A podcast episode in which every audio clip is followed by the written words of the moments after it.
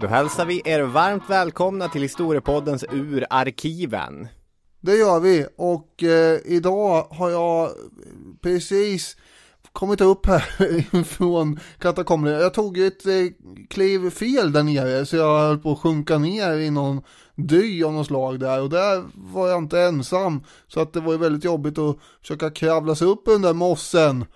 För det låg ju redan någon där och, och sen sprang jag upp för trapporna och eh, med andan i halsen kom jag upp här i, i vårt kontor. Är det här första gången vi represserar mossliken? Ja, det är det. Jag har en, eh, en förteckning så att säga. Jag är ju lite sådär att jag håller på. Jag är chockerad! Att vi inte har gjort det innan eller att jag har en förteckning. Ja, det här är ju nästan mitt favoritavsnitt. Ja. Ja men det är så att det har inte gått innan. Men nu är det dags. Mosslik. Avsnitt 197 från 2018.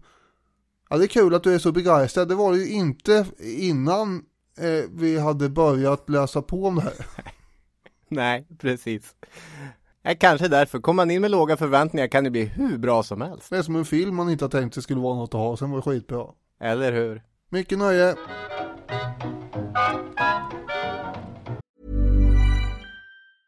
Ready to pop the question? The jewelers at BlueNile.com have got sparkle down to a science with beautiful lab grown diamonds worthy of your most brilliant moments. Their lab grown diamonds are independently graded and guaranteed identical to natural diamonds, and they're ready to ship to your door. Go to BlueNile.com and use promo code LISTEN to get $50 off your purchase of $500 or more. That's code LISTEN at BlueNile.com for $50 off. BlueNile.com code LISTEN. Burrow's furniture is built for the way you live. From ensuring easy assembly and disassembly to honoring highly requested new colors for their award-winning seating, they always have their customers in mind. Their modular seating is made out of durable materials to last and grow with you. And with Burrow, you always get fast, free shipping. Get up to 60% off during Burrow's Memorial Day sale at burrow.com slash ACAST. That's burrow.com slash ACAST. burrow.com slash ACAST. Hiring for your small business? If you're not looking for professionals on LinkedIn, you're looking in the wrong place. That's like looking for your car keys in a fish tank. LinkedIn helps you hire professionals you can't find anywhere else, even those who aren't actively searching for a new job but might be open to the perfect role. In a given month, over 70% of LinkedIn users don't even visit other leading job sites. So start looking in the right place. With LinkedIn, you can hire professionals like a professional. Post your free job on linkedin.com slash people today. Sällan har jag varit så simpelt underhållen som när jag har förklarat för vissa eh, vad det här avsnittet ska handla om. Jag har för mig själv ibland stannat upp när jag läst och fnissat till eftersom det är så urbota kul sammanträffande. Jag tillsammans med en del eh, människor i min bekantskapskrets använder ordet mosse eller mossigt som ett skällsord på någon eller något. När man till exempel gjort bort sig på något sätt, då har man mossat till det ordentligt. Det kan röra sig om diktatorer ute i världen som är mossar. Det kan vara en idrottspersonlighet som inte gör som man vill. Men det kan också vara folk, och är folk, i ens konstanta närhet. Och en av de som ingår i den där bekantskapskretsen heter Mosse i min telefonbok. Vi har en Snapchat-grupp som heter Mosseligan. Och varje gång man passerar en ort som har namnet Mosse i sig, då tar man alltid fram telefonen och fotar ortsskylten med ett fånigt leende. Eh, ordet överanvänds så pass att det nästan kan jämföras med eh, smurfarnas smurfspråk. Men allt det där är ju egentligen privat och begränsad uppfattning om ordets innebörd. Verkliga definitioner för ordet mossig är mossbevuxen, gammaldags, förlegad, uråldrig, omodern. Ordet mosse har att göra med mossa och mossa förknippas med något som är gammalt. Vad en mosse i naturgeografisk mening är, det kommer vi förmodligen eh, komma in på här under avsnittet. Men idag kommer det handla om gamla uråldriga mossbevuxna lik. Det kommer att handla om mossar i mosse.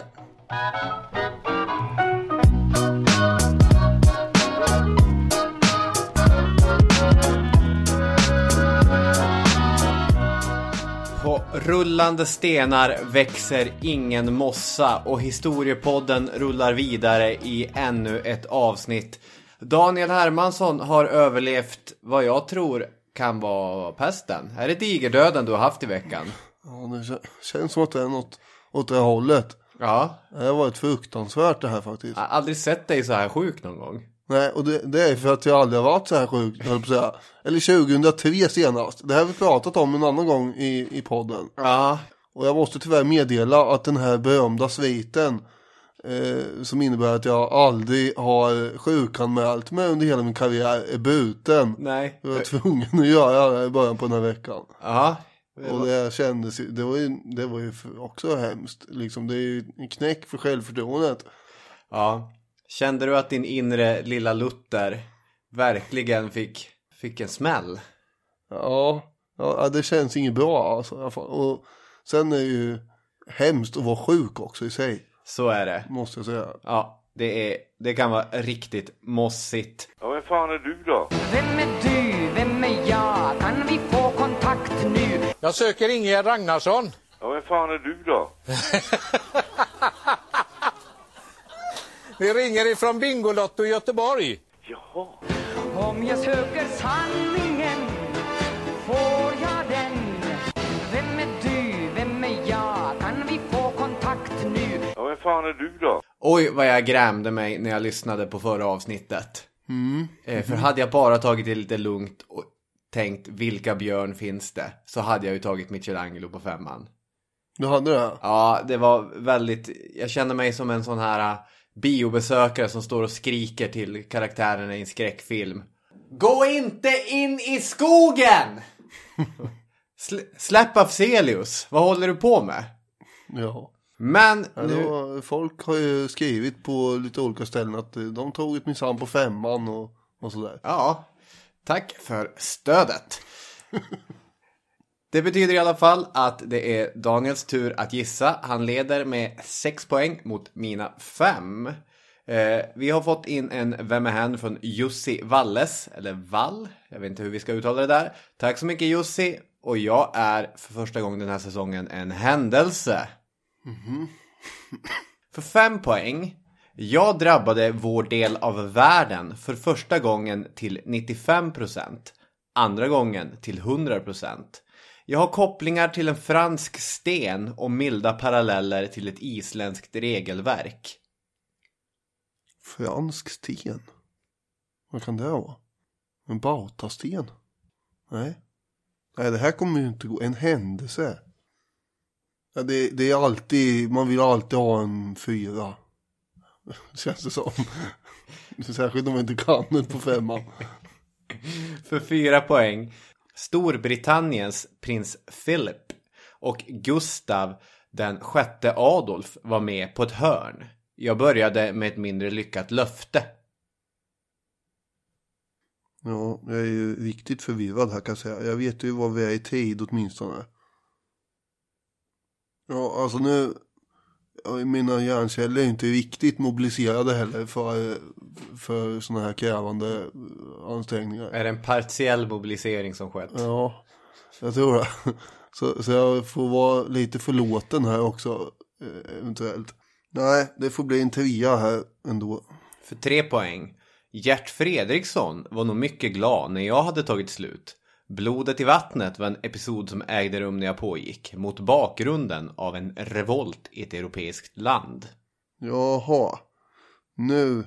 OS i München 1972. Det är fel. Va? Va? Nej. Nej, hur kan det vara fel? Eh, vänta här nu, nu måste jag tänka igenom här ändå. Vad säger du egentligen? Hur kan det vara bakgrund? Nej. Nu är jag förvirrad. För tvåan. Jag var den sextonde i ordningen efter att ha fått min nystart 1896. Och det var andra gången man hade delad vårdnad om mig efter Antwerpen 1920. Kan du ta trean igen? Gert Fredriksson var nog mycket glad när jag hade tagit slut. Blodet i vattnet var en episod som ägde rum när jag pågick mot bakgrund av en revolt i ett europeiskt land. Jaha, är det så illa att det är den här revolten, den här Ungern-revolten 56? Och jag tror fortfarande att det, är, att det är ett OS det handlar om som sagt. Jag kan inte, vad, vad fan gick OS 56 då? Ja, vill du säga något? Jag är inte säker att du behöver ange orten för att få, eh, få gissa på. Nähä. Ja, Då säger jag olympiska spelen 1956. Det är rätt. Ja. Två poäng. Tack, tackar. Och då kan jag förklara de här ledtrådarna som jag skulle säga är snillrikt konstruerade av, av Jussi. Den gick i Melbourne Melbourne. och i Stockholm. Ja just det, var det här med, eh, de hade ridtävlingarna här va? Ja, det var karantän för hästar sex månader i Australien. Så att det gick inte att få in några hästar. Så det körde man i Stockholm. Fem, femman var ju det här att det drabbade världen för första gången till 95%, andra gången till 100%. Kopplingar till en fransk sten, milda paralleller till ett isländskt regelverk. Förklaringarna. Jag valde skriva drabbad istället för att äga rum för att möjligen leda in Daniel på ett villospår. Procentsatsen kan väl diskuteras, men första gången som Australien arrangerade OS och första gången någonsin på södra halvklotet kunde som sagt inte till 100% arrangeras där eftersom hästsporten var i Stockholm. Ju, Kraven var inte lika hårda som på Island där all import av hästar är förbjuden. ja men vänta, så att man skulle veta, veta det då för att kunna. Och vad är det för fransk sten? Ja, det vet jag inte. Pierre är franska för sten, Pierre de Coubertin. Den franska baronen. Alltså jag tycker inte att det här är snill, det är klart det är Jag snillrikt. tycker det här är helt omöjligt. Fyran. Eh, Det är väldigt, det är finurligt uttänkt men det är också omöjligt. det finns folk som vet vad Pierre betyder. Okej, Storbritannien, har lagt ribban på en ny nivå bara så vi vet. det. Storbritanniens prins Philip och Gustav den sjätte Adolf höll då invigningstal på varsitt håll. Det. Men det mindre lyckade löftet, det har vi pratat om i vårt OS-avsnitt. För det var ju John Landy som misslyckades, han hade glömt sitt manus när han skulle svära den olympiska eden. Och bara, jag vet inte vad han gjorde, man improviserade, man stod och mumlade. Så det var det misslyckade löftet där, när man ska svära allt vad man ska göra. Gert Fredriksson tog kanotguld, blodet i vattnet var ju den här infamösa eh, vattenpolomatchen. Som var mot bakgrund av revolten i Ungern Just det. 1956. Ja, just det. Och på tvåan, eh, Antwerpen 1920, där hade man seglartävlingar på nederländskt vatten. Den är inte heller jättelätt, men då hade du redan tagit att det var OS, då var det bara att räkna matten, det sextonde spelet. Det var det! Du plockar in två poäng till och har åtta poäng. Vad var det på en poäng då? På en poäng skulle du ha fått Jag är internationella idrottstävlingar som arrangerades i mitten på 50-talet i Australiens näst största stad samt även Sveriges största stad. Ja, den var ju generös.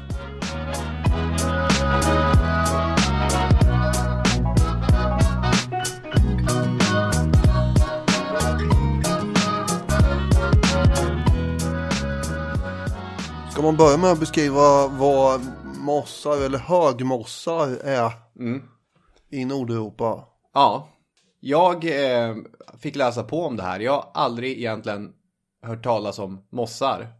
Nej, men det beror ju på att med undantag från södra Skåne och, och så, så är, är det ju framförallt i södra Sverige det finns. Det finns tydligen några högmossar längs med Norrlandskusten, men i Norrbottens inland där jag kommer ifrån finns inga högmossar.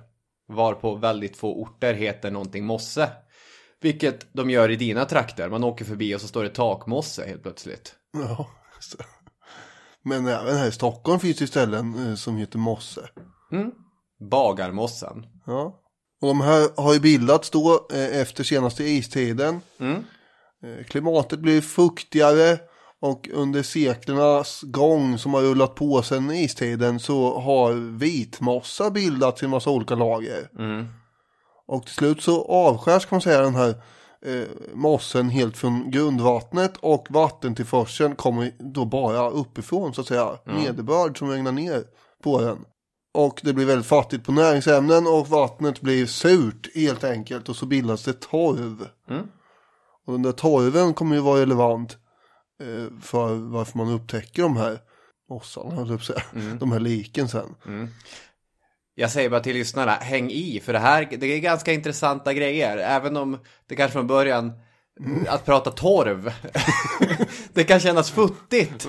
Men det kommer en payoff, jag lovar. Det trodde jag hade valt det här ämnet bara för att kunna sälja in eh, att det var ett kul skämt. Ja, jag tänkte bara, jag tyckte inte att det var ett kul skämt heller. Jag bara, herregud, det här, är, det här kan bli ett, ett nytt lågvattenmärke. Vilket också är roligt med tanke på att moss, ja. Ja, absolut. 5000 år sedan, då hade mossarna brett ut sig. Det här är helt orimligt. över, över nuvarande Danmark och Nord, ja, Nordtyskland, Holland, Storbritannien. Mycket på Irland också. 27% av Irland täcktes som mossar. Ja, många mossar på Irland. Men man har hittat mosslik även i eh, USA, eh, Florida och sådär som är 7000 år gamla faktiskt. Det, folk kan ju gå ner i de här mossarna och, och drunkna också helt enkelt. Så är det ju. Sa, jag kommer inte ihåg, sa du i inledningen att det är liken det kommer handla om? Nej, jag sa nog inte det. För det är ju det som är grejen, det går att hitta lik i mossarna. ja, just det. det. Så är det. Det är det det ska handla om. Ja. Ja. De flesta och bäst bevarade mosslik som man har påträffat kommer från järnåldern och Nordeuropa. Årtusendet runt år noll helt enkelt. Mm. Just det. 500 år före, 500 år efter ungefär. De lik som har sänkts ner i mossen eh, har i regel tyngts ner. Man har lagt ett flätverk eller kvistar eller så på dem. Ibland kan det till och med handla om att man har pålat ner dem i mossen. Vilket innebär att de ligger tryggt och stilla i denna mycket speciella kemiska miljö. Som du var inne på, det är ett väldigt surt pH-värde. Så är man där och doppar sina eh, lackmuspapper heter de va? Det var ju det bästa som fanns på kemin när man fick hålla på med lackmuspapper. Näst efter explosioner och saker som brann såklart. Lackmuspapperna tyckte jag mycket om. Eh, Det är en extremt syrefattig miljö, vilket påverkar men, de här liken. Men viktigast av allt är att ämnet spagnan Spagnan. finns i den här miljön. Eh, Spagnum är ju för övrigt det biologiska namnet på just vitmossa. Och spagnan, det påminner lite grann om pektin. Jag vet att alla som lyssnar på historiepodden, eller i alla fall en stor majoritet, är ivriga syltkokare. Jaha. Och när man kokar sylt, det här vet ni som lyssnar, då beroende på vilka bär och frukter man använder så behöver man ju syltsocker. Jordgubbar till exempel är ju fattigt på pektin. Och pektin är ju det som ger den här geléartade eh, konsistensen i sylt. Men gud vad hemtamt du gör det här området. Ja, men jag har kokat en del sylt i mina dagar. Och syltsocker är ju då socker med extra pektin. Spagnan är Känner inte... jag dig överhuvudtaget? Precis som du har haft din Koreafas har jag haft Ja, en, en okej. syltfas. Ja, i alla fall, det, det påminner om pektin. Det är inte pektin, så vi behöver inte prata för mycket om, om pektin. Det vi behöver säga är att det binder kväve, vilket ser till att bakterier inte har någonting att leva på. Och eftersom miljön i övrigt inte har några naturliga nedbrytare så avstannar förruttnelsen. Och olika artiklar som jag har läst talar om olika saker. I, i populärhistoria skriver Martin Widman att det krävs garvsyra eh, för att bevara de yttre vävnadslagren. Om det då är spagnan som skapar garvsyra, det lämnar jag över till mer eh, begåvade och intresserade kemister där ute. Men det som händer i alla fall är att eh, väldigt, väldigt gamla lik åldras väldigt, väldigt bra. Huden blir kvar, även om den ändrar färg. De inre organen kan bli kvar. Håret, eh, och det här är ju häftigt. Håret eh, blir rött. Flammande rött. You know nothing Jon Snow rött. Och det bildas, ska man säga, nordeuropeiska mumier. Mm. Ja, så är det ju. De här mjuka vävnaderna blir ju till läder kan man säga. Kött och inälvor blir ju i regel upplösta då. Precis. Eh, och eftersom eh, det är ganska högt tryck, det kan ju vara flera ton av torv och mossa och så som är på liken så i regel så går benen blir ganska hårt åtgångna också. Det som är så häftigt då att i princip så får vi människor vars ansiktsuttryck vi fortfarande kan titta på. Vi får en mycket bättre känsla för hur de här människorna har sett ut. Och den brittiska arkeologen Rick Turner, som jag kommer återvända till under det här avsnittet, han uttrycker det på följande sätt. Jag tycker det här är nästan lite rörande. the body sort of coming out of its peat wrapping and how the sort of immediate connection that you make, which you don't make with a skeleton. You know, you feel remote from a skeleton, but when you see somebody's features, see their hair and their skin, it's a direct and immediate response that, that you feel uh, towards that individual. Ett skelett knyter du inte an till. Alltså skelett kan vara intressanta på sitt eget sätt, men när du ser ett ansiktsuttryck, du ser hår, du ser hud. Eh, det är att komma väldigt, väldigt nära människor som levde för oerhört eh, lång tid sedan. Ja, det är speciellt. Mm. Det är svårt att ta DNA-prov dock från de här liken eftersom cellerna blir förstörda eh, under alla århundraden i mossen. Mm. Och när ett mosslik eh, väl tas upp så börjar ju förruttnelsen väldigt snabbt om det inte hindras genom konservering och sådär. Mm. På medeltiden så börjar man ju gräva efter torv för bränsle. Man skar till torven och sen så sålde man den och sådär för att kunna bränna på saker och ting. Eh, och eh, den första beskrivningen som finns av ett mosslik är från en tysk kyrkbok från 1450-talet. Och då var det ett lik eh, som satt fast i en mosse med dy upp till halsen. Prästen här, han rådde folket att låta liket vara. Så jag bara, nej, rör inte det här nu, låt det ligga kvar eller rör det inte, håll det borta. För det fanns en tro att alverna bodde i mossen. Och eh, om de hade dödat det här liket så var det bäst att låta det vara liksom. Ja. Vi ska inte börja jiddra med alverna här. Nej. Och mosslik användes ju ibland som läkemedel också av apotekare under medeltiden. Man malde ner liket och fick ett, eh, ett pulver helt enkelt som man kallar för mumia.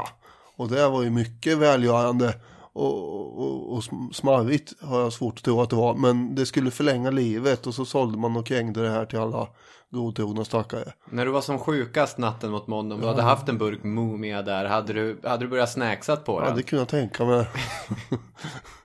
Ta till vilka metoder som helst. Ja, en medeltida apotekare hade nog kunnat sälja det här till mig eventuellt då. Ja. Med lite god insäljningsförmåga. Ja. Eh, när torvbönder upptäckte ett mosslik så trodde de annars då oftast att det var ett färskt lik förstås. Eh, som hade dödats eller gått vilse och drunknat. Inte att det var flera tusen år gammalt. Nej. Och konserveringen har ju som du sa bevarat både hår och hud och de här ansiktsuttrycken och sånt. Eh, och det gör ju att slutsatsen att det är ett färskt lik är ganska begripligt. Det har man ju trott senare också. Ja, vi kommer ge många exempel på det här. De gick ju inte direkt varligt tillväga när de slet upp de här liken. och eh, sen så dumpar de dem oftast i avfallshögar så här. Så man vet inte hur många sådana här lik man har eh, helt enkelt befriat från mossarna. Utan eh, de har ju sen då förruttnat och sen har man ju inte så ofta heller antecknat det. Nej. Men vad man vet är också att man har eh, lagt eh, korsade grenar över liket ofta. Eller fastkilat dem med pålar i botten och liksom snärjt fast dem i botten. Och då har man ju grävt ett dike först i mossen. Sen har man se- sett till att nagla fast liket där. Sen har ju då vattnet runnit till och mossen har växt på. Eh, och eh, sen har ju då det här mossliket eh, varit på botten där helt enkelt. Vilket är en förutsättning för att det ska vara fredat från en massa olika rovdjur och sådär. Just det, det är en förutsättning. Den andra förutsättningen är att det ska vara bekväm kylskåpstemperatur nere i mossen. Alltså under 4 grader för att inte den naturliga nedbrytningen ska få överhand. Vilket innebär att många, om inte alla mossliken har sänkts ned under vinterhalvåret. Just det. Vilket man också oftast kan se på de matrester som, vilket det är ju galet, matresterna. 2000 år gamla matrester finns bevarade i, i tarmen på de här människorna. Det har, har man ju kollat upp noggrant ja. Mm, och det är vintermat som de har ätit. Men det är inte bär och, och sånt där kul. Nej, och det är ofta så här sädeslag med, inte sällan med svampsporer i, som har legat lite halvfuktigt till. Och förvarats. Ja, alltså det här eh, har jag tänkt på för det här är ju folk eh, springer iväg med sina slutsatser ibland. Eh, och då har man ju dragit slutsatsen att eh, eh, det har att göra med hallucinogena svampar som man har eh, tryckt i de här eh, blivande liken. Mm. Eh, Men det är att dra lite väl långa slutsatser bara för att man har hittat mjöldygga, vilket är då en, en eh, svampform Jag håller med om att det i, att, i den här, en av de här eh, fallen som vi sen kommer att prata om. Ja, precis. Så att vi, vi kan lite grann spara diskussionen till, eh, till då vi kommer till. Men jag håller med om att det är att dra det väldigt långt.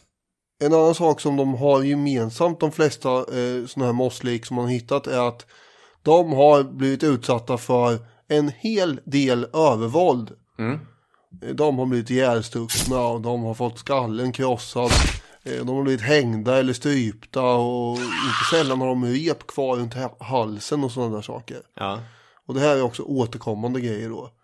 Eh, om vi ska prata om en slags generell samtalspunkt här nu. Som vi börjar bli klara med tror jag. Ska vi gå in på lite mer specifika fall. Ja, jag har en sista generell punkt att eh, köra. Och, och dels vill jag bara säga mea culpa, mea culpa, mea maxima culpa. Det här är min skuld, min, min stora, stora skuld. Och det är ju att eh, vi fick ett eh, mail från ett härligt arkeologgäng i var det Uppsala eller Lund? Jag, jag såg bara det här i förbifarten på tåget idag. Uppsala. Uppsala som hej, ni vet att ni brukar kalla oss hjälpvetenskap och så, men vi tycker om er ändå. Det, är, det här är ju ett avsnitt, likt många av våra avsnitt på senare tid, som är lika mycket arkeologi, arkeologi om inte mer arkeologi än historia. Ja, så är det. Och vi vill verkligen höja de duktiga arkeologerna.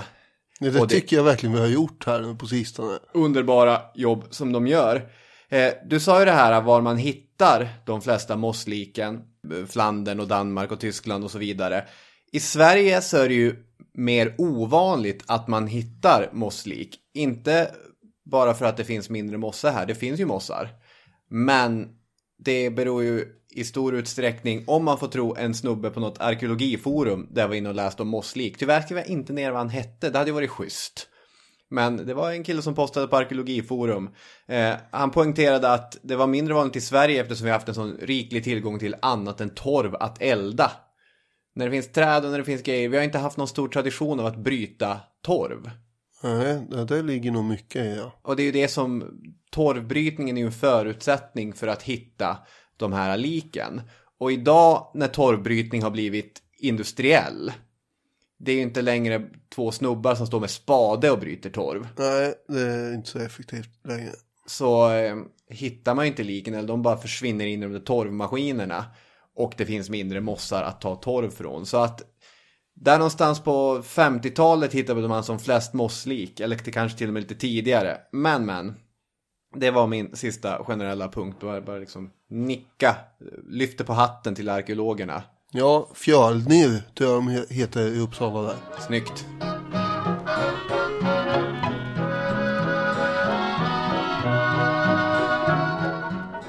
Maj 1950. Robert Schuman, före detta fransk premiärminister, lägger fram den plan som låg till grundandet för Europeiska kol och stålunionen och sår därmed det frö ur vilket EU kommer växa. I Sverige beslutar en enig riksdag att införa en nioårig enhetsskola. Grundskolan ska det senare kallas. Och i Danmark var bröderna Viggo och Emil ute och bröt torv. Eh, några associationer förutom årtalet mellan de här grejerna? Det är samma månad. Ja, det är samma månad till och med. Ja. Maj 1950. Ja, får man lite paralleller så här. Ja, precis. Vad är det som, som händer där? Det är torvbrytning, det är eh, kol och stålunion som bildas och sånt ja. De står med sina spadar och klink så slår ena spaden mot någonting hårt. Och en av fruarna som är där, enerverande nog inte namngiven i någon av de texter jag har läst, börjar undersöka vad kan det här vara? Och det de hittar, det är otroligt läskigt. För de tror att de har hittat ett färskt lik. Ja, liket har ju skäggstubb och naglar och hår och allt möjligt här så att det är inte så konstigt. Mm. Och eh, vad vi pratar om är ju Tollundmannen Mm. på, på Jylland. Just det, rik mylla ur vilket man har fiskat upp många mosslik. Mm. Och eh, alla i trakten här var helt övertygade om att det här är ett färskt lik och kanske är det den här personen som har försvann efter en cykeltur nyligen. Mm, det finns ju alltid en försvunnen person som man tänker, kan det, kan det vara nu? Det gör det. Men Tollenmannen hade eh, dött år 350 före Kristus visade det sig senare. Han hade hållits nere med grenar och eh, sådär, precis som det ibland brukar vara. Det som är så fantastiskt med Tollundmannen är att han har ett sånt oerhört rofyllt utseende. Som ett barn som sover, som en spegelblank sjö på en helt vindstilla dag. Som ett djupt andetag mitt i en storm av stress och hat och hot då all ångest bara lyfter och liksom genom mindfulness-magi skingrar sig molnen. Så ser Tollundmannen ut. I en liten toppig läderluva ligger han hopkrupen i en naturlig sovställning med knäna indragna mot magen, eh, armarna böjda. Eh, som du sa, kort hår, lite skäggstubb. Och inga kläder har han, utan bara ett litet eh, tunt skärp av läder kring, kring midjan. Det kan ju vara så att han har varit påklädd eh, med ett material, linne eller så, som har förmultnat. Ja. Han hade tydligen hängts. Eftersom eh, repet fanns ju kvar och eh, hade gjort ett avtryck på huden. Den stora auktoriteten på området mosslik. Det är den danska arkeologen Peter Wilhelm Glob. Ja, han är... Och eh, han har ju verkligen eh, så att säga dominerat den här genren. Och gav sig ut eh, med stövlarna så fort eh, det upptäcktes ett nytt lik. Det är ganska nära Århus där man har ett- ett universitet som håller på med det här. Ja. Och eh, han eh, har ju också skrivit böcker. Bland annat Mossarnas folk. Just det, lite så här Grottbjörnens folkkänsla på den titeln. Ja. Och han skrev ju väldigt, eh, vad ska man säga, romanaktigt eller med, inte så vetenskapligt som man skulle kunna tänka sig. Är inte så mossigt. Nej, nej precis. Eh, och eh, angående upptäckten av eh, Tollundmannen då, han skriver så här. Som en sovande låg han på sitt våta läger med huvudet lätt framåtböjt, krökta armar och ben och vilande på sidan. Ansiktet var lugnt, ögonen lätt slutna och läpparna mjukt tryckta mot varandra som i stilla andakt. Det var som om den dödes själ för en stund vänt åter från en annan värld genom himmelsporten i väster. Det är väldigt poetiskt. Men sen, sen upptäcker man då det här repet runt halsen. Den lugna ro som vilade över den döde visade sig vara ett falskt intryck. Ty, när lite mer torvmossa avlägsnats kring huvudet upptäcktes ett rep av två sammanflätade läderremmar som omslöt halsen med en snara, kraftigt åtstramad in mot strupen och slingrade sig som en orm över skuldran och ryggen. Efter denna upptäckt tyckte man sig se ett drag av smärta i pannans rynkor och draget kring munnen. Eh, Tollundmannen, Christian Fischer som är en arkeolog uttalar sig i populärhistoria om Tollundmannen och säger att eh, han är så nära direkt kontakt med ett forntidsfolk som vi någonsin kan komma. Så att den, han har en speciell sorts aura, han är riktigt en, en superstjärna inom Mossliks-genren, Tollundmannen. Och det finns sån här information som alltid berättas om Tollundmannen när man läser honom. En sån är att han åt sin sista måltid 12-24 timmar innan han hängdes. Det var en välling eller en gröt på olika typer av gryn. Ett forskarteam har återskapat den eh, middagen. Precis samma gryn och kokat den på eh, mossvatten.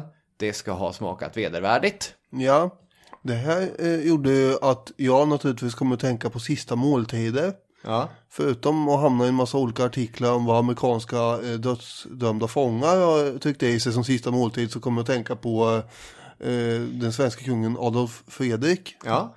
Som åt eh, hetvägg, surkål, rovor, hummer, kaviar, böckling och champagnevin. Skulle man hitta i hans tarmar där man börjar sprätta upp dem. Men, Käkar ju hellre det än Tollundsmannens sista. ja, exakt. Han hade lite mer knapert kan man säga ändå. Ja. Eh, Har du fler? Nej. Okej. Eh, En annan sån sak som, synd, det var väldigt härligt. Det kan vi kanske återkomma till, sista måltiden. Kanske ett helt eget avsnitt, vem vet. Eh, polisen lyckades återskapa Tollundmannens fingeravtryck. Vilket gör det till världens äldsta fingeravtryck. Någonting som också ofta berättas. Jag är inte så imponerad av, av den faktan. Nej. Vad ska man med det fingeravtrycket till? Ja, det eh, antar jag att man eh, kastar in i något register för framtida bruk. Eh, att kunna köra emot andra eventuella fall. Mm. Cold cases som går lös. Aha! Det var Tollundmannen här som, som slog ihjäl eh, den här andra järnåldersmänniskan kanske. Ja, det är mycket som tyder på att Tollundmannen redan är straffad för ett brott i och för sig så. Ja, just det. Ja, kanske i alla fall. Kanske. Kistan som skulle frakta Tollundmannen till Köpenhamns nationalmuseum eh, innehöll ett ton torv. Det hade ju då packats tillsammans med liket. Tydligen eh, fick en av dem som bar kistan en hjärtattack och dog lite senare också. Så det säger en del om hur tungt det var. Är det som Tutankhamons förbannelse, men Tollundmannens förbannelse. Ja, kanske. Det finns ju nämligen eh, jämförelse att dra med Tutankhamon här. Nämligen hur, hur det behandlas senare då. Ja. Eh, Och det här är ju, Globe är ju, är ju bra. Ja. Men eh, han, eh, det är ju en, man har ingen erfarenhet av det här riktigt. Och man behandlar kanske inte riktigt eh, det här mossliket eller eh, andra mosslik på den här tiden så som man skulle gjort idag. Nej. Chop chop! Man hugger av huvudet, eh, skiljer det från kroppen och konserverar det för sig själv i en burk med formalin och ättiksyra till att börja med. Och sen så använder man varmt vax efter det, vilket gör att huvudet krymper med 12%. Oj då. Eh, och, Synd. Ja, det var lite synd. Det fanns alltså väldigt lite erfarenhet i- hur man skulle hantera det här. Och konserveringen var ju delvis högst experimentell får man ju säga. Men man gjorde en ingående medicinsk förteckning där man konstaterade att könsdelarna var mycket väl bevarade och en fot var också extremt väl bevarad. Kunde till och med hitta ett ärr på den och sådär. Eh, Men man lät ju liket stå utomhus under tiden som man sakta grävde fram det ur torven och sådär. Ja, just det. Och den trivs inte så bra i syre. Ja, Det var mycket, mycket som man kanske borde gjort annorlunda. Sen eh, inträder då en diskussion på Köpenhamns nationalmuseum eh, vad man ska göra med det här liket. För Silkeborgs eh, museum vill ju ha det här då, för det är liksom närmast där man har upptäckt eh, liket. Eh, men eh, på Köpenhamns nationalmuseum så undrar man om man överhuvudtaget kan ställa ut ett sånt här makabert fynd. Klarar folk av att se detta? Ja, men är det en helt orimlig fråga att ställa sig? Nej, det är det inte i och för sig. För att eh, man har ju aldrig liksom ägnat sig åt att ställa ut lik innan. Nej. Så att eh, nej, det, det är klart det, det går att fundera över en sån sak. Man gjorde i alla fall flera olika avgjutningar av kroppsdelarna och sen så skickar man iväg de verkliga delarna till olika experter så de är ju vind för våg borta nu eh, på massa olika håll och kanter. Och därför finns inte den verkliga kroppen samlad på ett ställe utan idag finns huvudet på Silkeborgs museum och en väldigt välgjord kopia av kroppen. Och där har den funnits eh, i ungefär 50 år då, Tolvmannens huvud. Sen har vi Vinderbyliket. Oj. Ja, oj. Och det här är oklart, Eh, jag tror att det är södra Danmark. Men det hittades i alla fall 1952. Och det hade dött under det första århundradet före Kristus. Gick under benämningen Vinderbyflickan och hade fått eh, håret på höger sida nedklippt och på andra sidan var det helt av bortrakat. Aha! Säger de som har suttit då med näsan i eh, den romerske historikern Tacitus texter. Eh, det här är ju uppenbart då att det är en kvinna som har varit otrogen och dömts till förvisning. Eh, för Tacitus har ju skrivit om piskstraff som man delar ut. Där den otrogne fick piskas genom hela byn och sen dömdes att få håret bortrakat och sånt där. Eh, och eh, det var det här germanerna höll på med när de skulle bestraffa sånt enligt Tacitus. Så det finns ju belägg för det här. ja. Emellertid så visade det sig sen via en DNA-analys 2006 att Vinderbyflickan var en pojke på ungefär 14 år. Mm, just det. Så att, eh, men det är ändå liksom mycket som matchar med Tacitus texter här. Så är det ju. Men eh, ibland rakar man ju bort hår för att man har löss och sånt. Ja, det- kan finnas alla möjliga skäl till sånt. Eh, Vindeby-liket har också en bindel för ögonen som är lite speciellt för den då. Just det, det är den här. Ja. Ja, eh, som ett slags hårband har det förmodligen varit som sen har åkt ner över ögonen. Eh, tror man i alla fall.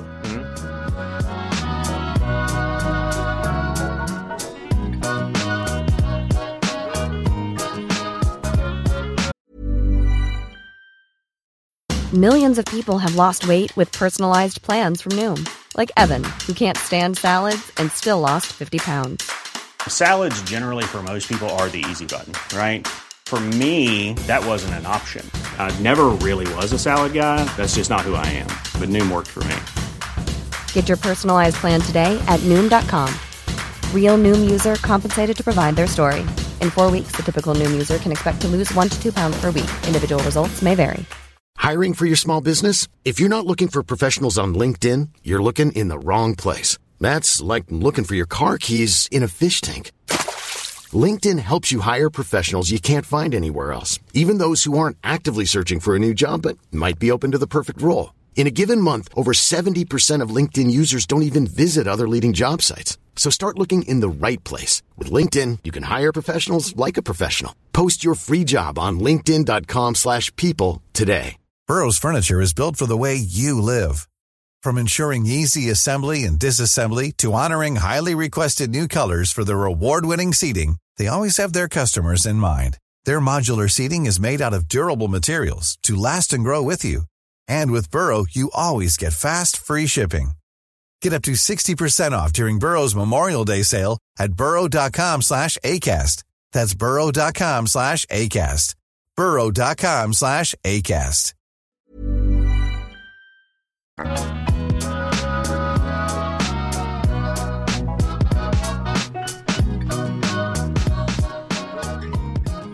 April 1952. I Sverige rasar den så kallade Haijby-affären då Kurt Haijby försöker utpressa kung Gustav V med hot om att offentligt träda fram som kungens homosexuella älskare. Mellan de allierade från andra världskriget, inte minst England och Västtyskland, pågår ett intensivt arbete som kommer leda till att ockupationen upphävs i maj 1952. Västtyskland blir alltså fritt i riktig mening. Och i Danmark, i Danmark Daniel, Ja. där kommer man hitta mosslik. Den här gången också. Det spelar ingen roll vilket årtal vi tar fram eller månad. Vad som händer runt omkring ute i världen. Vad man gör i Danmark det är att hitta mosslik. Tage Busk Sörensen är ute och bryter torv utanför Silkeborg. Mitt i Jylland. Helt plötsligt slår spaden i någonting. Den här berättelsen känner vi igen.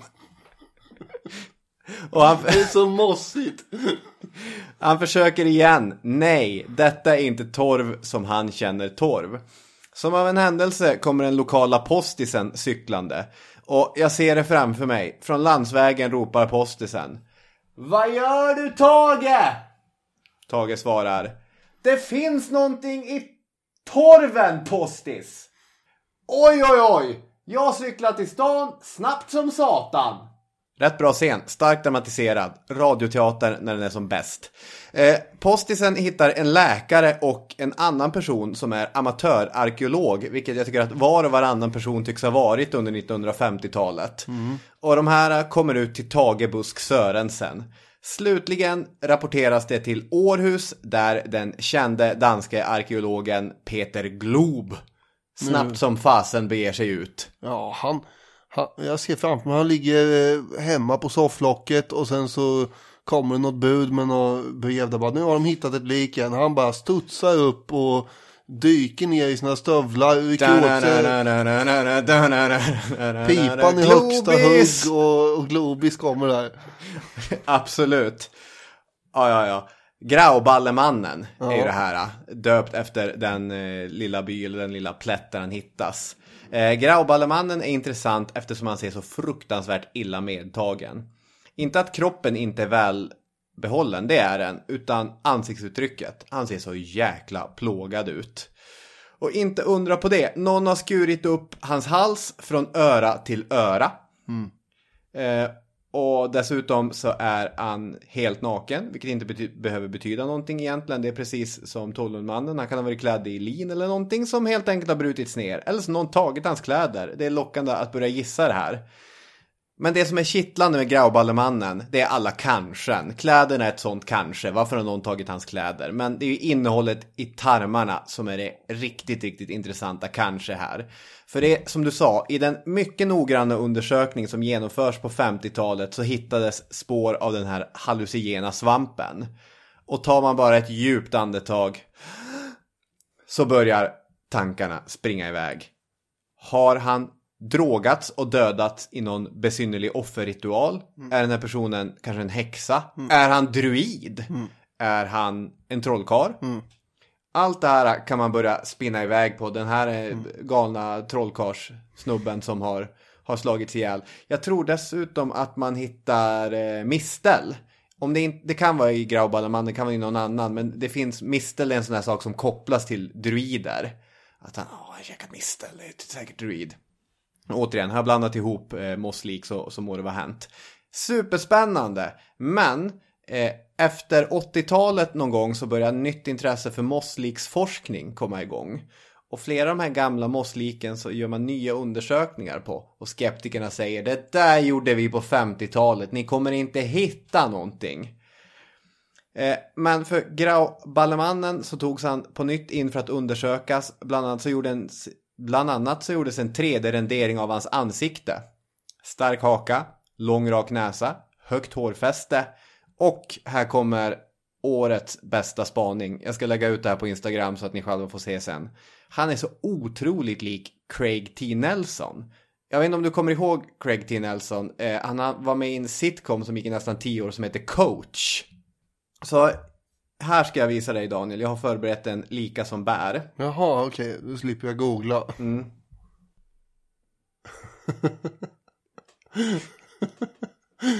Det här var alltså så som eh, Grabbalemannen skulle ha sett ut och det här är han. Craig T. Nelson ja. Jo, jag förstår att jag ser, ja. Ja, det är faktiskt extremt lik. Tyvärr så går det inte spåra något DNA från Grauballemannen så att vi kan inte undersöka om Craig T. Nelson och Grauballemannen faktiskt är släkt Nej. eller inte. Håller han på med droger den här Nelson? Jag vet inte, jag är inte så inläst på den här gamla sitcom-skådisens Okej. biografi.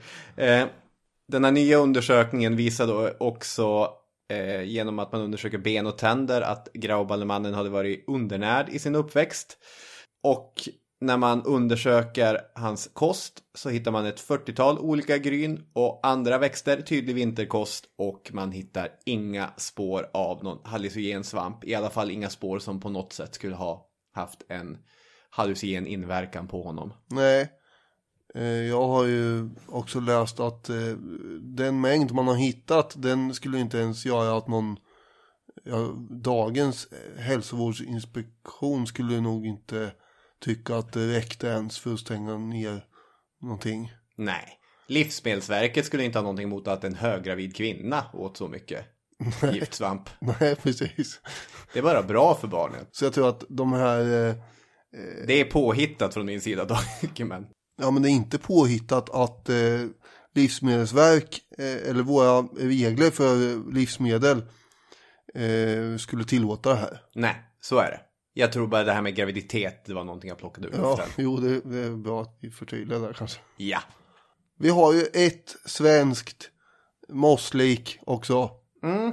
Och det är Bockstensmannen som dock är lite speciellt eftersom det inte alls kommer från samma tid som de andra eh, kända mossliken. Nej, det här är det 1300-tal. Ja, mitten på 1300-talet. Mm. Det var till att börja med när man hittar då så är det en kyrkoherde i eh, Halland som 1936 får ett telefonsamtal på självaste midsommarafton Oj. om att nu har man hittat ett lik i en mosse här som behöver begravas.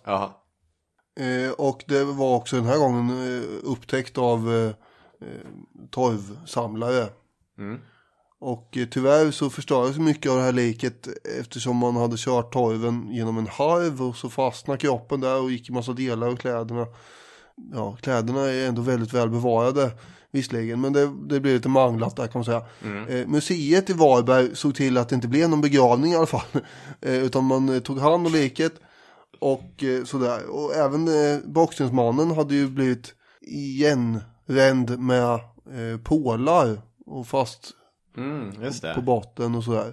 En läkare och eh, en statsfiskal inspekterade kroppen och slog efter moget övervägande fast eh, på ett mycket torrt sätt att om ett brott har ägt rum så måste det vara preskriberat för det här laget.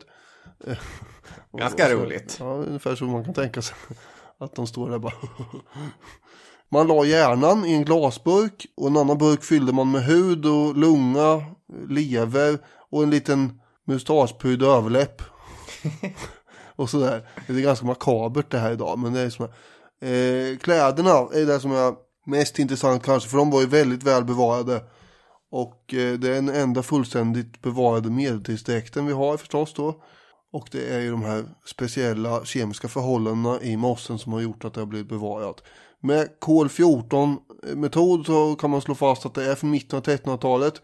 Och en modeexpert har sagt att här behöver vi ingen kol-14 metod överhuvudtaget för att det var eh, det här som var moderiktigt eh, under mitten på 1300-talet.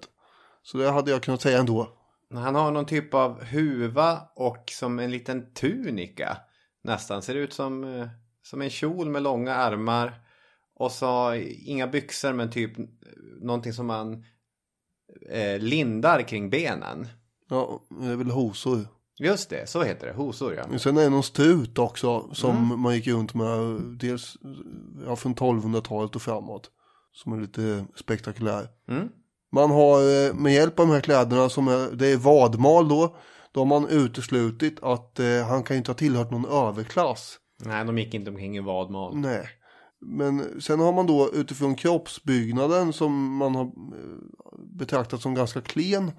Eh, antagit att han inte var bonde. Mhm. Och med hjälp av sånt här pusselläggande så har eh, en historiker som heter Eva Andersson drar slutsatsen att eh, boxningsmannen var eh, antingen en lägre eh, form av hantverkare eller tjänare hos en borgare. Mhm. Sen hur och varför han hamnade där, det, därom kan man ju tvista. Alltså jag har ju svårt att se att det är en slump om han har... eh, Man blir fastpålad i en mosse. exakt. Om det nu är så att eh, det är pålar som har, han har blivit nerhållen med det, då ska det ju mycket till om det är en slump liksom. Att du ska ha en sån jäkla otur. Tacitus! Han har ju bland annat skrivit att eh, det är alltså då den romerska historikern från eh, första århundradet efter Kristus. Mm, absolut. Eh, han har skrivit att eh, män som har vanärat sin kropp dränks i smutsiga sumpmarker varefter ett nätverk av flätade grenar läggs ovanpå dem. Mm. Eh, och Tacitus han skriver ju om germanerna, han är den enda romerska historiker som gör det och därför så har vi eh, han är ensam på det här området eh, och skriva om liksom nordeuropeisk historia i princip. Så det är ju tacksamt att någon har gjort det här för, det första.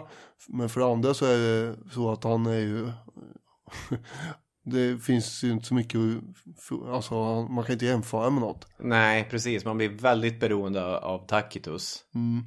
Han syftar här då på homosexualitet eh, i, i den här passagen och menar på att man har dränkt de här eh, och eh, lagt då nätverk av flätade grenar ovanpå. Mm. Det här var en eh, passus som eh, Heinrich Himmler eh, fann var väldigt eh, lämplig att eh, använda sig av. Han var väldigt intresserad av allt som hade med germansk historia att göra. Och han konstaterade tvärsäkert att nio eh, av tio fall av de här mossliken var homosexuella som hade satts ut i de här mossarna. Mm, det gjorde han. Och han menar att det var inte ett straff för något brottsligt eh, som gjorde att man hade gjort det här. Utan det var helt enkelt för att de här förfäderna eh, försökte utplåna en onormal livsform. Mm, det var eugenik och arvs och rashygien innan det fanns nedskrivet på pränt. Ja, det var så han tyckte ja. Och det här eh, är en form av eh, ideologiskt historiebruk då på sätt och vis. Att man eh, använder, jag tittade redan på den här tiden tänkte man så. Mm, absolut. Eh, och eh, Himmler sa att eh, de måste undanröjas på samma sätt som när vi rycker upp brännässlor, kastar dem på en hög och bränner dem. Och eh, Himmler var ju inte den som bekymrade sig så himla mycket om vetenskapliga belägg och sådär. Men eh, 1904 så hade man ju hittat ett, eh, ett par i eh, den holländska eh, trakten Värdinge. Och det Mm. kallas då för Värdingeparet. Och man antog att de här två kropparna som hade hittats eh, i en mosse som låg omslingade kring varandra var eh, en man och en kvinna. Men eh, när DNA-tekniken kom så visade det sig att det var två män. Och eh, det här är ju lite ironiskt då eftersom det för man vet ju inte vad det här är, om det är två homosexuella, vilket då Himmler skulle naturligtvis ha hävdat. Men det ironiska är också naturligtvis att för de homosexuella i Holland så blev det här en väldigt bra symbol. Och de utnämnde direkt det här paret till de äldsta homosexuella i Holland. Mm. Eh, och så använde de då det här på, på sitt sätt. Mm. Men i, i verkligheten vet vi ju inte så mycket om det här. Nej, precis. Och det där är ju väldigt svårt att, tycker jag, förhålla sig till. Det här är kanske något vi ska prata om i, i framtiden också, men homosexualitet som en identitet, det är ju mer, eh, det är väl 1800-tal, sent 1800-tal som, som det framväxer. Alltså, jag tror att väldigt få människor under järnåldern identifierade sig enligt den binära skalan heterosexuell eller homosexuell. Och sen i, i den kristna världen så är det ju antingen sodomit eller inte. Det är ju det är lätt att fastna i ett anakronistiskt tänkande när man tänker om homosexualitet genom historien. Ja, så är det nog ja. Vill det- bara- ja. Med det sagt så, så unnar jag de här holländska eh, gayaktivisterna att utropa mossliken till, till homosexuella symboler. Det är, tror jag inte, eh, kör ner det i halsen på Himmler bara. Ja, Det- nu levde väl inte de riktigt samtida, men ändå. Kör ner det i Heinrich Himmlers mossliks hals. En annan eh, levare som jag vill ta upp väldigt kort bara. Ja. Eh, Osterbymannen som han hittade 1948. Just det. Och eh, det är intressant eftersom eh, han har en eh, klassisk hårknut. Som de här nordtyska sveberna eh, ofta hade. Ja, hur ser en sån knut ut? Ja, men det är liksom att man har en knut så här som de hade. eh, Liksom, jag kan inte, vi- de ser ju inte när jag, jag kan inte visa dig heller. Men är det en sån här Lykke Li-tofs mitt på huvudet eller är det mer en, en manband lite så här? äh, Ja, det är mer som en manband tror jag. Ja. Om du väntar lite.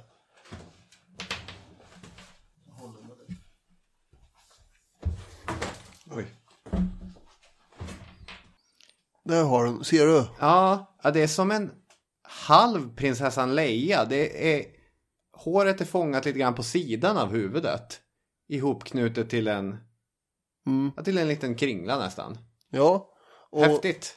Ja, det häftiga är ju att eh, det är en sak att ha en massa saker eh, på eh, beskrivet i text och kanske någon ritning och sådär. Men sen att hitta Ja. liksom 2000 år gammal, gammal frisyr. Ja. Bara, ja, titta det verkar ju stämma här. Ja. Det är helt enastående. ja, absolut. Ja, det var mitt riff om Osterbymannen. Ja, jag uppskattar det.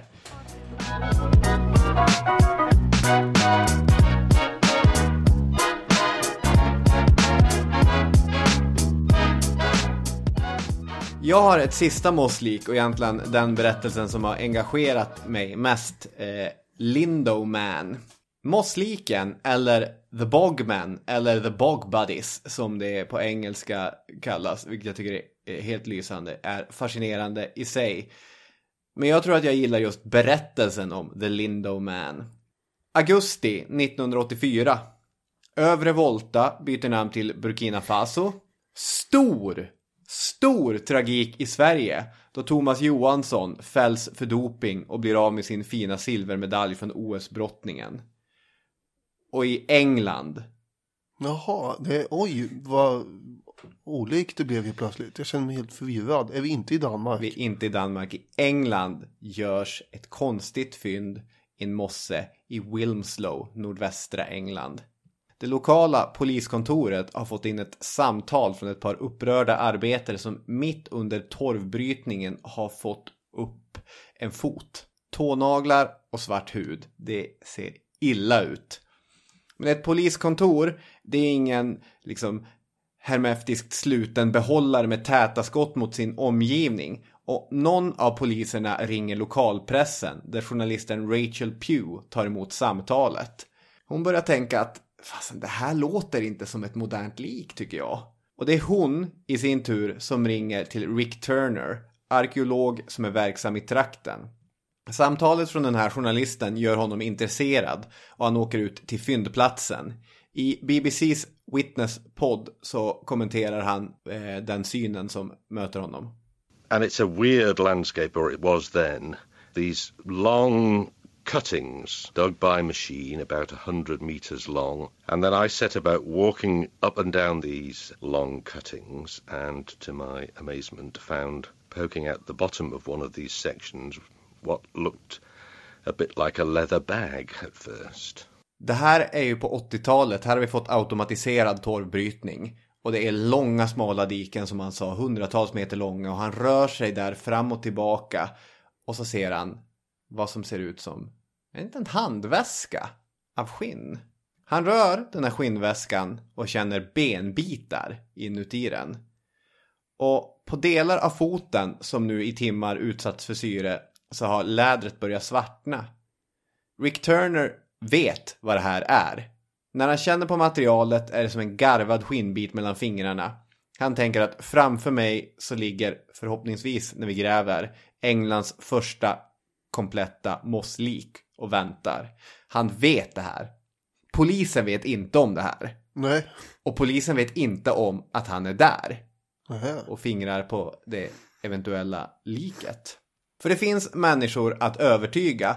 Polisens intresse i detta lik grundas i en mordutredning. Wayne Baird heter en kvinna som är spårlöst försvunnen. I och för sig är det ganska länge sedan hon försvann. Ingen har sett henne eh, på över 20 år.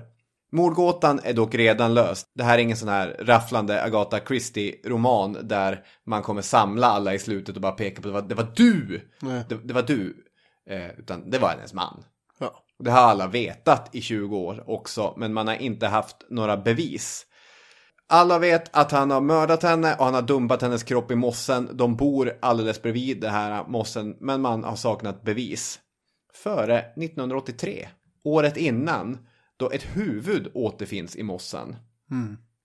Och det här är väl som den här Edgar Allan Poe-romanen The Telltale Heart han, eh, som, har, som har begravt eh, ett hjärta där under golvplanken och han tycker han hör hjärtat slå. Så den här maken när han får höra att de har hittat ett huvud i mossen.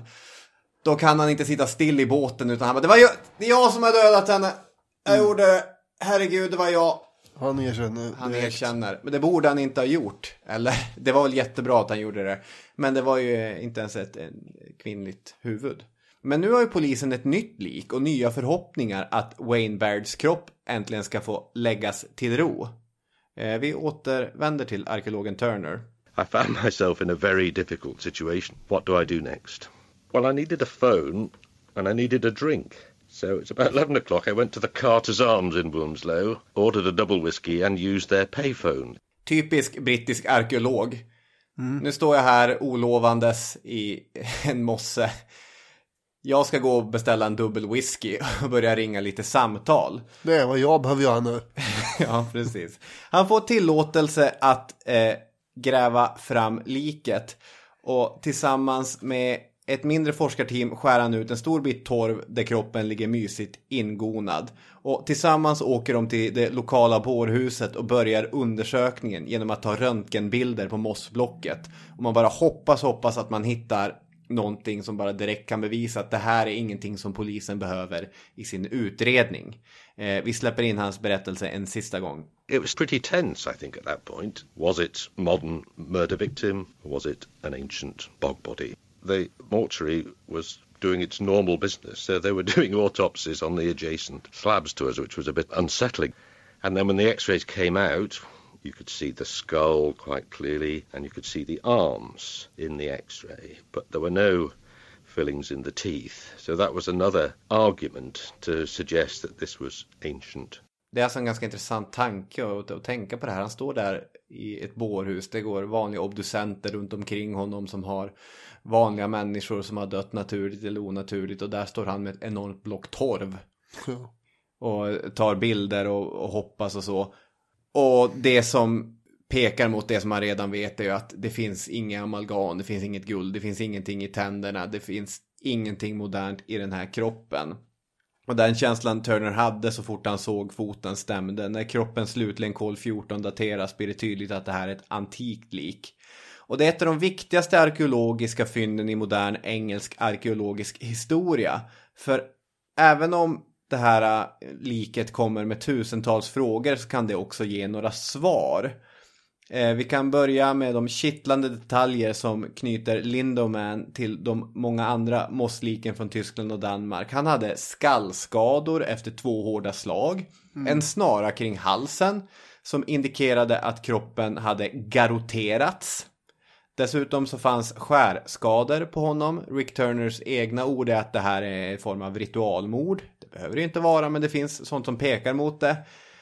Eh, Men det finns andra detaljer som ett lik som detta för med sig. Turner och hans team kan se att denna man är drygt 20 år gammal. De lägger märke till de välklippta fingernaglarna. De kan göra analyser av den mat som Linda Man har ätit. Kittlas lite över fyndet av mistel. Det är Linda Man som har mistel i magen. Jaha, ja. Där, jag borde ha läst mina anteckningar noggrant. Och kanske lite så här grimasera när de inser de massiva mängder av mask han hade i mage och tarmar. Oj, oj, oj, vad besvärligt det ska ha varit. För att inte tala om att han var reumatiker.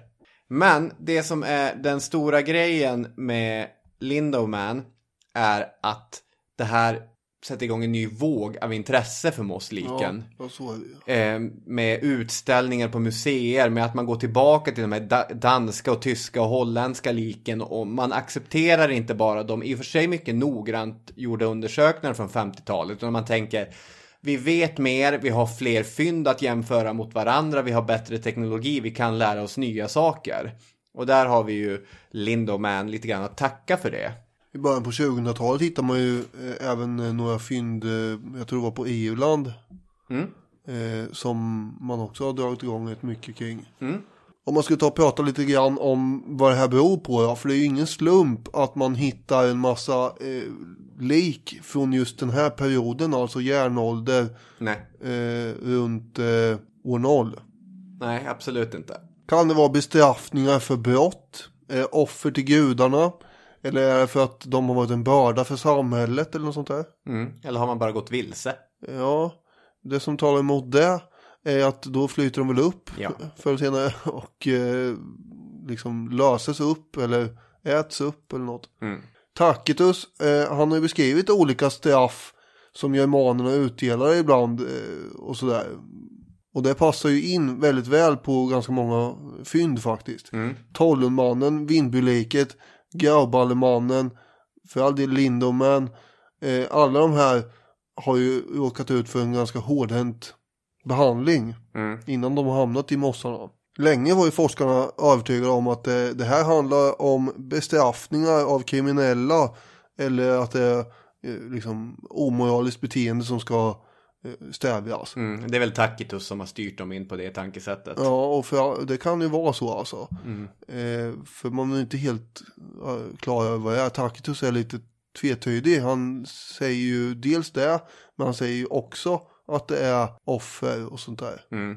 Att det skulle vara bestraffningar trodde man ju då länge. Dels på grund av eh, stöd från Tacitus texter. Men också för att de har utsatts för en massa olika eh, övervålds eh, övergrepp. Och eh, att benen i väldigt många fall var väldigt eh, avbrutna. Men det finns ju också en teori då förstås att eh, alla de här frakturerna som är väldigt många beror ju på att, som du sa innan i avsnittet, att eh, mossen och torvens tyngd gör att benen bryts av ändå. Mm. Så då skulle inte det vara något extra belägg för att det just är någon form av nu ska vi straffa skiten ur de här. Mm.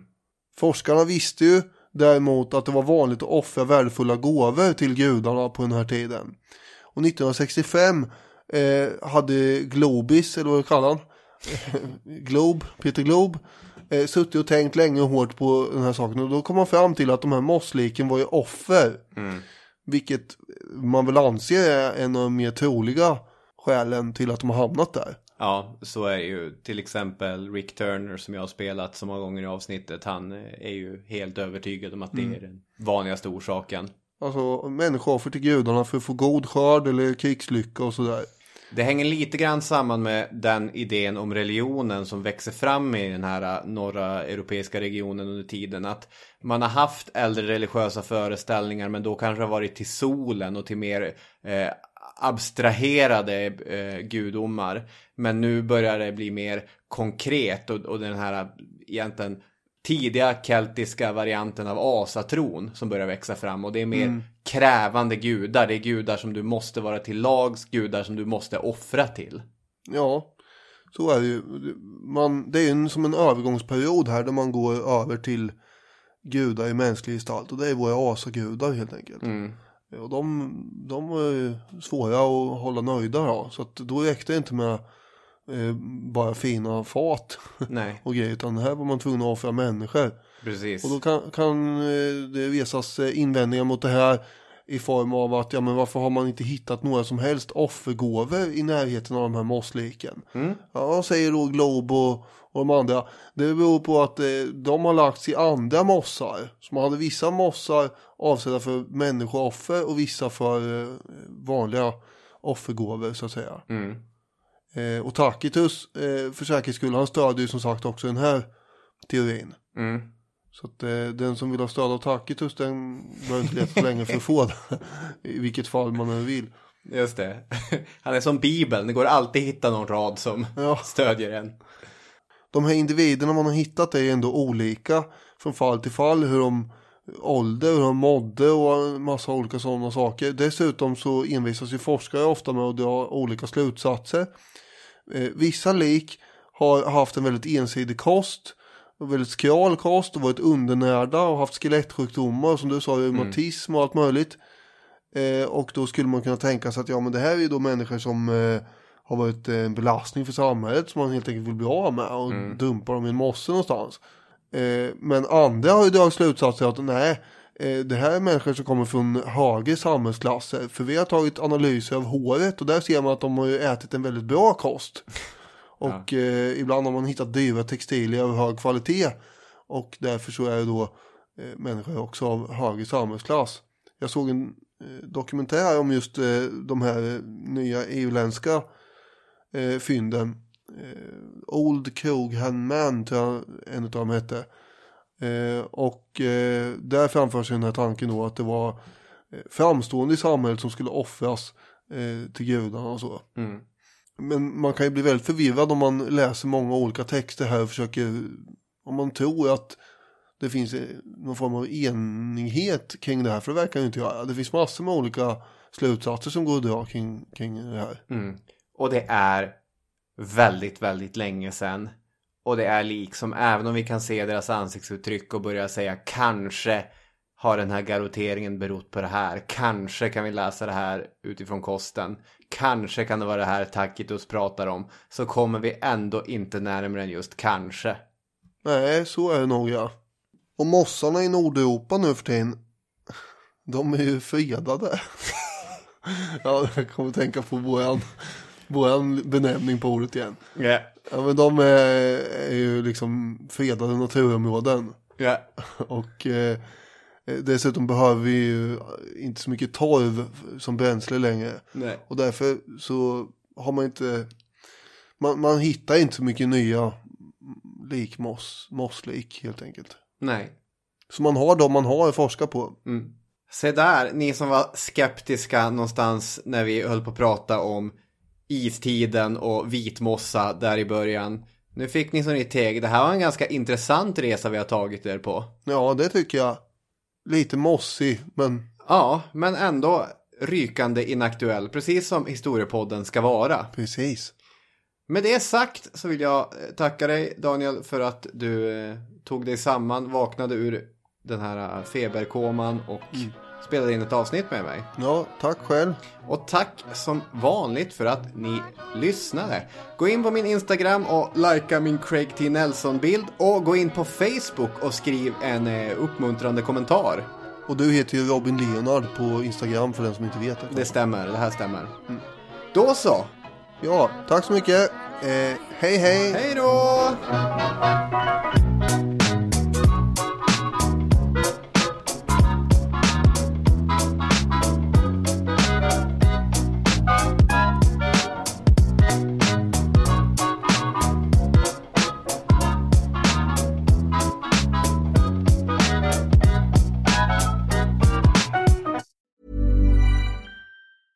Planning for your next trip? Elevate your travel style with Quince. Quince has all the jet setting essentials you'll want for your next getaway, like European linen, premium luggage options, buttery soft Italian leather bags, and so much more. And is all priced at 50 to 80% less than similar brands. Plus, Quince only works with factories that use safe and ethical manufacturing practices. Pack your bags with high-quality essentials you'll be wearing for vacations to come with Quince. Go to quince.com slash pack for free shipping and 365-day returns. When you need mealtime inspiration, it's worth shopping Kroger, where you'll find over 30,000 mouthwatering choices that excite your inner foodie. And no matter what tasty choice you make, you'll enjoy our everyday low prices, plus extra ways to save, like digital coupons worth over $600 each week. You can also save up to $1 off per gallon at the pump with fuel points. More savings and more inspiring flavors make shopping Kroger worth it every time. Kroger, fresh for everyone. Fuel restrictions apply. ACAST powers the world's best podcasts. Here's a show that we recommend.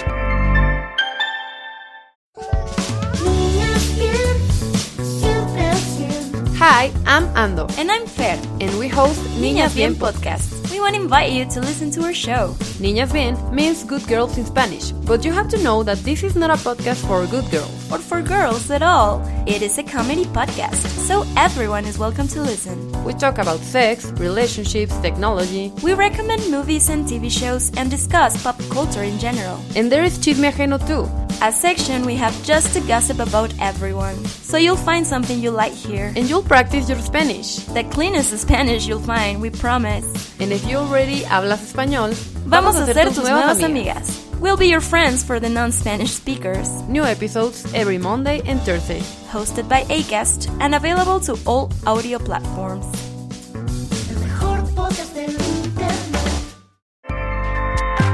ACAST helps creators launch, grow, and monetize their podcasts everywhere. ACAST.com.